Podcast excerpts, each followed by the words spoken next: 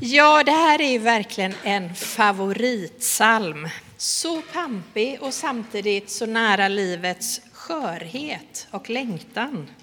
Det är advent. Han kommer ner till jordens grus med himmelsk kärlek, nåd och ljus och bjuder oss och hela världen försoning.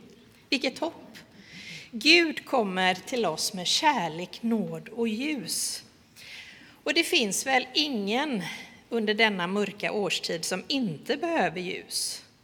Också i relation till allt elände som vi får i olika nyhetsflöden i kombination med det som skaver i våra egna liv.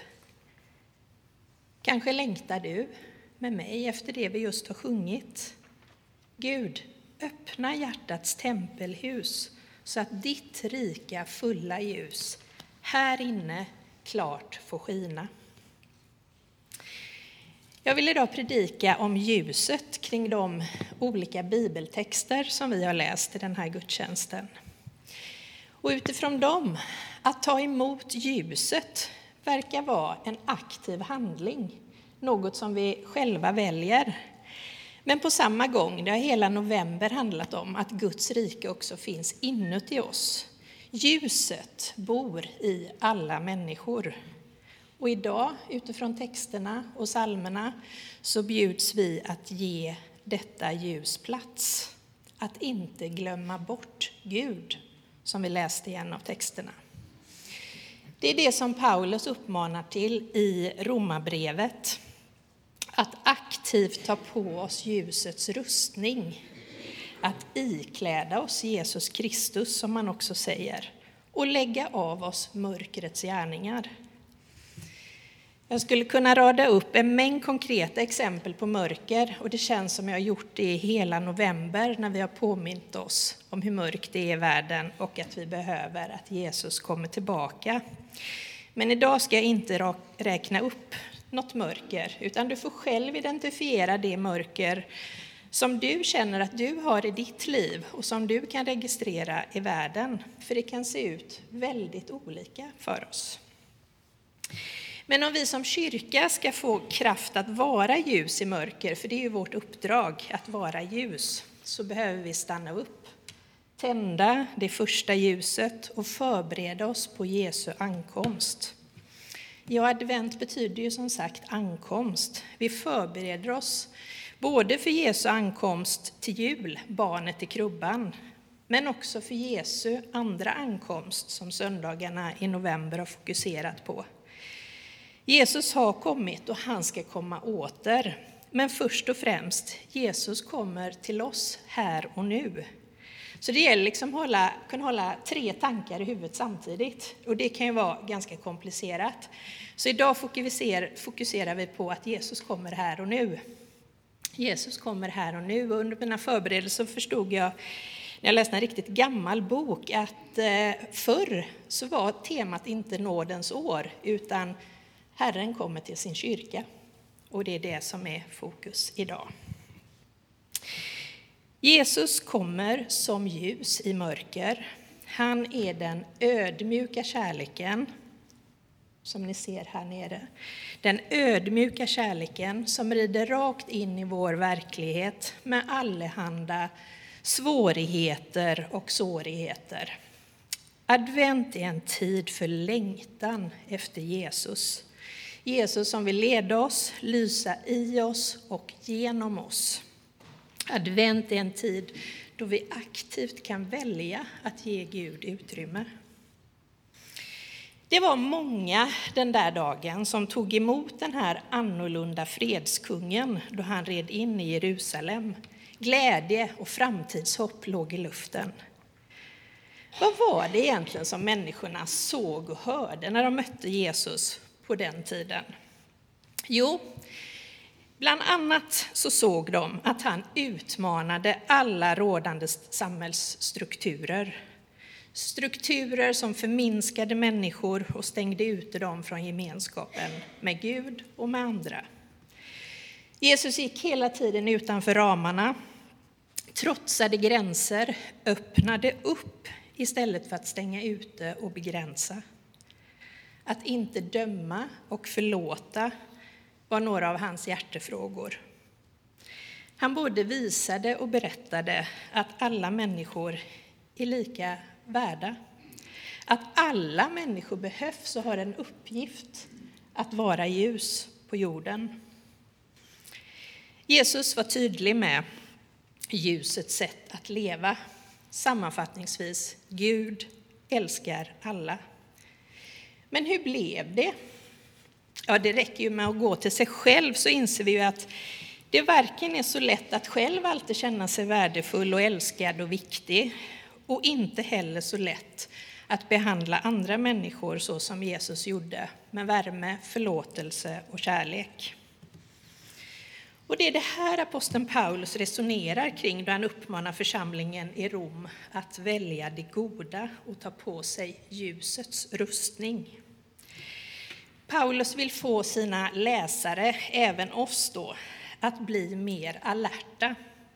Han beskriver att tiden går och att vi kommer närmare tidens slut, att något nytt ska komma, att mörker går mot ljus.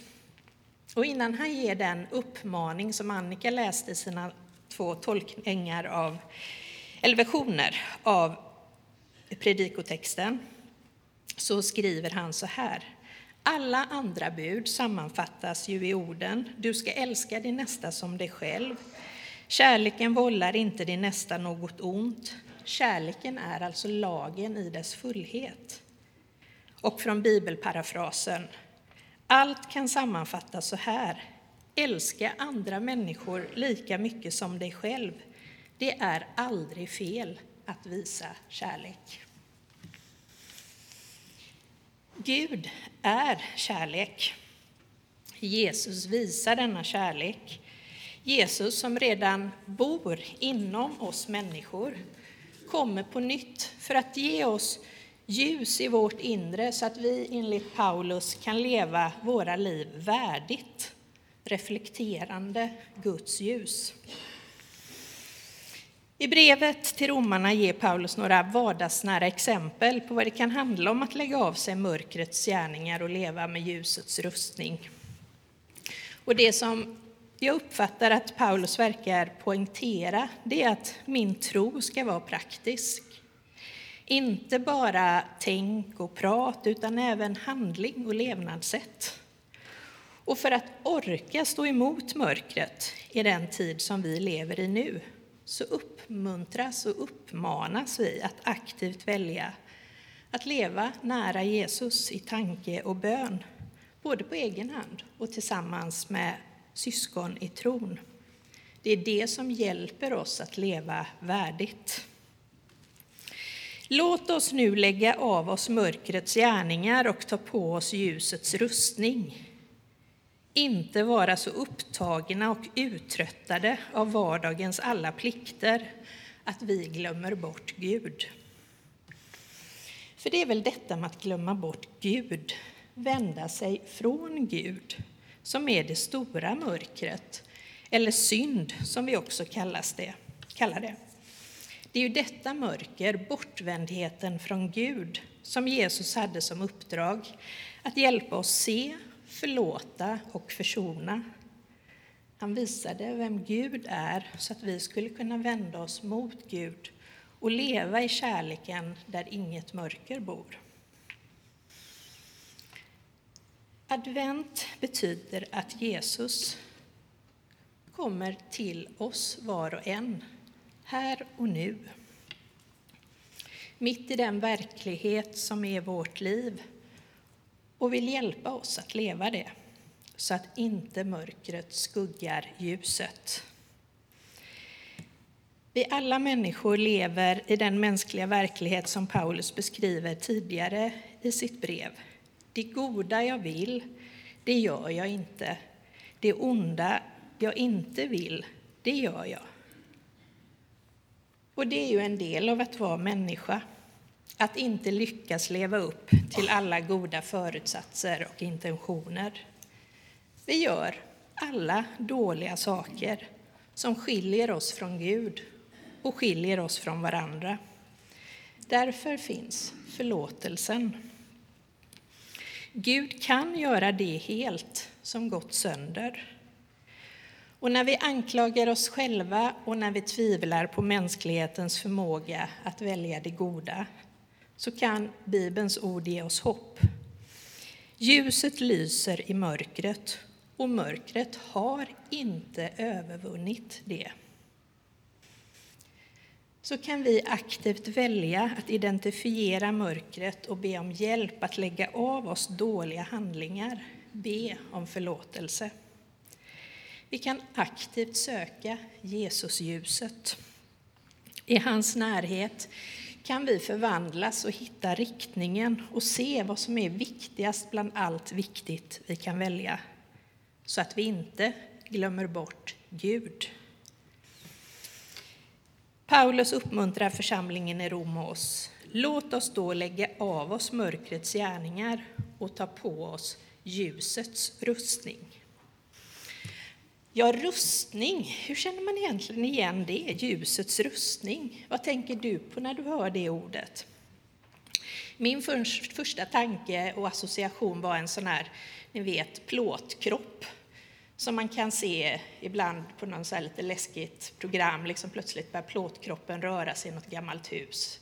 Eller på något museum eller i någon riddarfilm. Sådana såg de nog inte ut på Jesu tid. Men någonting med rustningen handlade om att skydda sig mot fiendens anfallsvapen. Och nu använder Paulus bilden av att vi ska ta på oss ljusets rustning som skydd mot mörkret. Vad menar han? Och en av ledtrådarna han ger det är att ljusets rustning det är att iklädda sig Kristus. Och det är ju inte heller så enkelt att bara, ja, hur gör man det? ikläda sig Kristus. Och så leker jag med några inre bilder. En av dem är att det är som ett, inte den där plåtkroppen, utan mer som ett slags ljussken som finns, som jag kan välja liksom att kliva in i. Eller att det, när jag vaknar på morgonen så ligger det där bredvid sängen och så går jag ner med mina fötter i ljusskenet och så drar jag upp ljusskenet och så iklär jag mig ljusets rustning. Eller en annan bild är vattnet som omsluter vår kropp när vi dyker, när vi badar. Eller dopets vatten. För i samband med dop så läser vi det här bibelordet om att dopet är att ikläda sig Kristus. Så kanske det här med ljusets rustning är att leva i sitt dop. Att låta sig inspireras av Jesus, hur han var och vad han sa och be Gud om hjälp att ta emot ljuset så att vi kan vara ljus för varandra. Ljusets rustning skyddar oss mot mörkret. Och vad kan vi själva då göra? Jo, vi kan välja att utsätta oss för sammanhang och input där vi kan leva nära Jesus såsom gudstjänst, bön, bibelläsning, själavårdssamtal, livsnära samtal med vänner och andra, sjunga i kör, bry oss om människor i olika engagemang vi har. Ja, vi alla behöver hitta våra egna sätt hur vi som personer får hjälp att leva nära ljuset, Jesus, så att vi kan utsättas för det ljuset som kan reflekteras i våra vardagliga handlingar. I ett annat brev skriver Paulus till galaterna att det kristna livet kan kännas igen på frukten. Och så räknar han upp nio karaktärsdrag som vi kan växa i. De andliga frukterna är kärlek, glädje, frid, tålamod, vänlighet, godhet, trofasthet, ödmjukhet och självbehärskning. Adventstiden är en förberedelsetid för att bereda plats för Jesus ljuset. Och delvis har vi ett val. Allt kan vi inte styra över, men delvis har vi ett val som Paulus gör oss uppmärksamma på. Men akta er så att ni inte blir så upptagna och uttröttade av vardagens plikter att ni glömmer bort Gud. Var vakna för vad Gud gör. Så inbjudan i adventstexterna och i jultiden skulle på ett sätt kunna sammanfattas att välja att ge Gud utrymme i ditt liv. Ta på dig Guds rustning, iklä dig Herren Jesus Kristus, som sa om sig själv, det vi läste när vi tände första ljuset. Jag är världens ljus. Den som följer mig ska inte vandra i mörkret, utan ha livets ljus. Så när vi nu tänder våra ljus i advent så är det ju inte enbart för att få det varmt och mysigt, även om det inte alls är några dåliga anledningar. Ljusets mening finns aldrig inne i ljuset, utan i det som blir belyst. För om man liksom stirrar rakt in i solen eller rakt in i ett ljus så ser man liksom ingenting. Ljusets mening finns alltid liksom ute i världen som ljuset lyser på. I den människa som ljuset får lysa i. Ljusets funktion är att vi ska våga se all den verklighet som ljusen lyser upp, både i vårt eget inre och i världen vi har runt omkring oss. Att våga se verkligheten som den är och ändå tro att det finns en räddning för oss alla. Att ändå våga tro att Jesus Kristus kan förvandla mig och dig och hela världen. Så därför får vi mitt i nyhetsflöde och vardagsstress hoppfullt tända adventsljusen och påminna oss om att ljuset lyser i mörkret och mörkret har inte övervunnit det. Den ödmjuka kärleken som vi har här nedanför, den ödmjuka kärleken rider rakt in i våra verkligheter med allehanda sårighet och svårigheter och bjuder oss att öppna, öppna hjärtats tempelhus så att Guds rika, fulla ljus där inne kan få skina. Så genom ditt och mitt ljus så ökar kärleken på jorden. Och det är det som allt handlar om. Så låt ljuset leda oss. Amen.